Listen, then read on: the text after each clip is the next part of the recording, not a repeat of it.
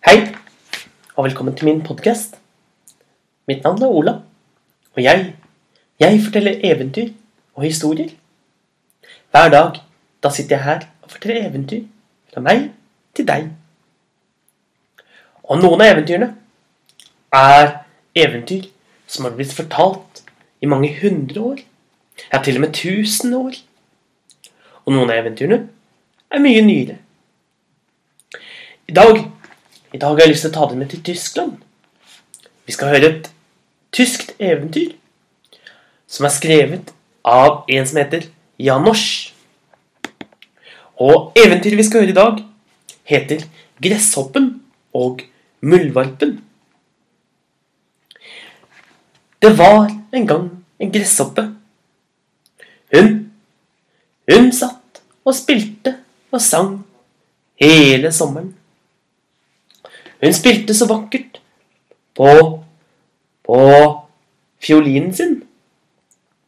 Vakre toner som de andre dyrene kunne danse til. Og den lille gresshoppen levde av å danse og synge og ha det gøy. Og tenkte ikke en tanke på at snart kom høsten, og med det kulden. En dag så sto gresshoppen opp og så at det hadde begynt å snø. Vinteren var på vei. Da, for første gang, tenkte hun at hun ikke hadde noe sted å bo. Hun hadde ingenting å spise, for hun hadde ikke verken dyrket mat eller sanket nøtter eller bær eller andre mat til å ha gjennom vinteren. Og ikke hadde hun sittet og strikket votter eller varme klær. Ikke hadde hun sanket blader til hun kunne gjemme seg i. Nei, hun hadde ingenting annet enn seg selv og fiolinen sin. Så hun hadde ikke annet valg enn å gå med den sommerkjolen sin, den tynne sommerkjolen, i den bitende, kalde vinden, fra hus til hus, og spørre om hun kunne få lov til å bo der gjennom vinteren. Den første hun gikk til, det var en hornbille. Hornbillen, den, den var riktig fin og fjong, og hadde et riktig så fint hus. Han var nemlig skogvokter og passet på alle dyrene i skogen. Og den lille gresshoppen gikk fram og sa, Kjære, kjære skogvokter, du hornbille. Jeg, du som er så snill mot andre, kan jeg være så snill å få lov til å bo her i vinter? Det er så kaldt, og jeg har ikke noe sted å bo. Ja, det kan du få lov til, sa hornbillen. Eh, men det koster penger. Jeg har dessverre ingen penger, sa, sa gresshoppen. Har du ikke noen penger? Nei, uten penger kan du heller ikke bo her. Sånn går det når man går rundt hele sommeren. For du har sikkert ikke noe, ho, noe hus eller mat eller noen ting. Nei, hvis du ikke har jobbet gjennom hele sommeren og bare snyltet på andre, så kan du heller ikke forvente å få. Så hornbillen smalt døren igjen, rett i ansiktet på den lille gresshoppen. Og den lille gresshoppen hadde ikke annet valg enn å gå ut i snøen og fortsette sin ferd gjennom den kalde vinden. Og det var så bitende kaldt. Vinden blåste gjennom den tynne kjolen, og hun ble kaldere og kaldere og kaldere.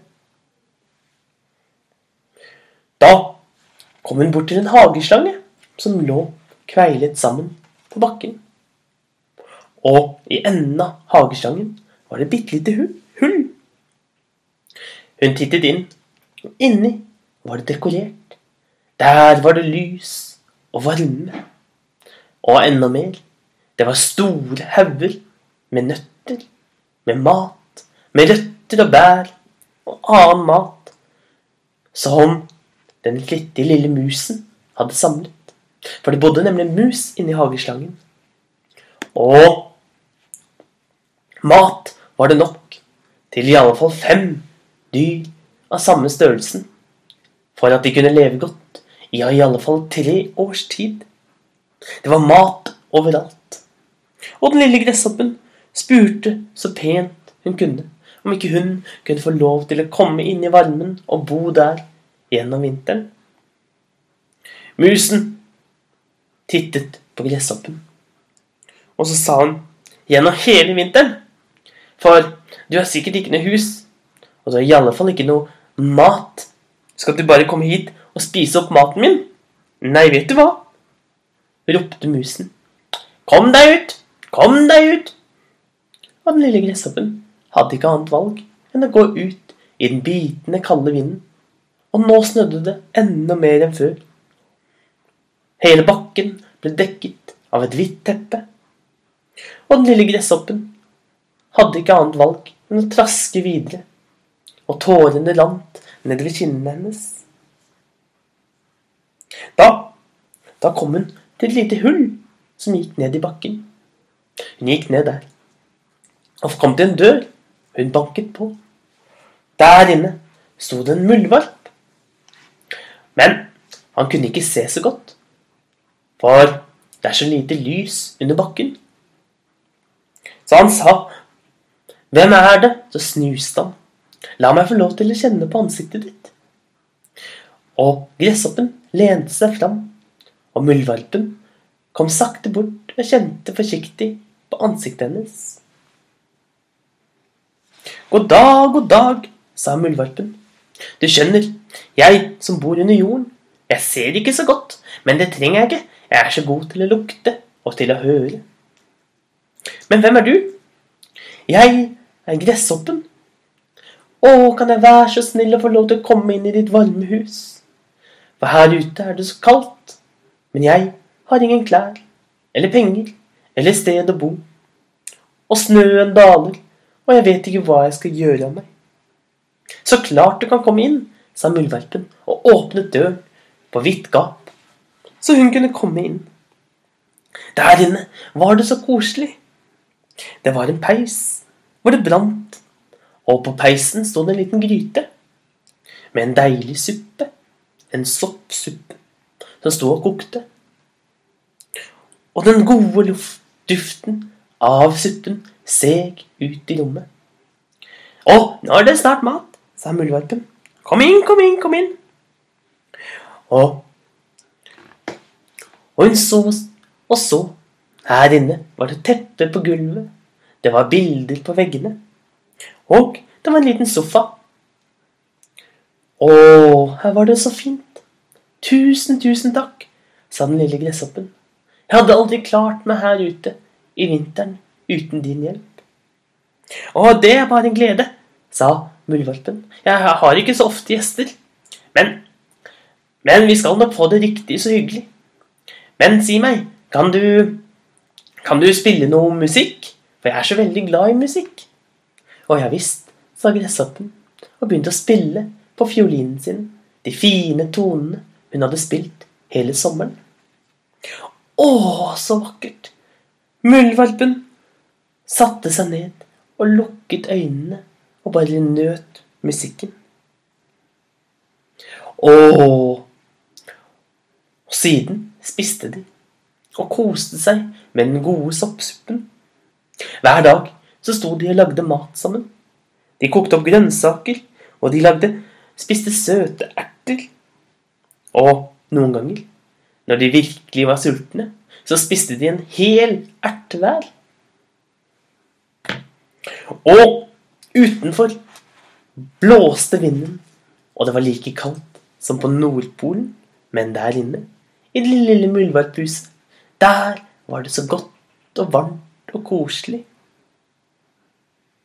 Og de pleide å lese avisen og spille spill sammen. Og på søndagene, der pleide til og med gresshoppen å gre håret på muldvarpen, så han ble skikkelig fjong og fin, før de spiste en stor, fin søndagsmiddag. med all deilig mat du kan tenke deg.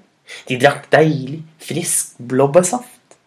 De spiste panerte erter. De spiste mandler. Og de spiste honning og honningkake med iskrem til dessert. Iskremen kunne de bare hente rett utenfor inngangsdøren. Og de spiste frosne gresskar, hvor de strødde litt snø over. Å, de spiste så mye god mat og hadde det så hyggelig med musikk og med samtaler. Det ble virkelig den beste tiden de noen gang hadde hatt i hele sitt liv. Og så levde de lykkelig gjennom hele vinteren. Og fra den dagen har muldvarpen og gresshoppen alltid vært bestevenner. Og det er historien om gresshoppen og muldvarpen. Ha en god dag, så ses vi igjen en annen dag.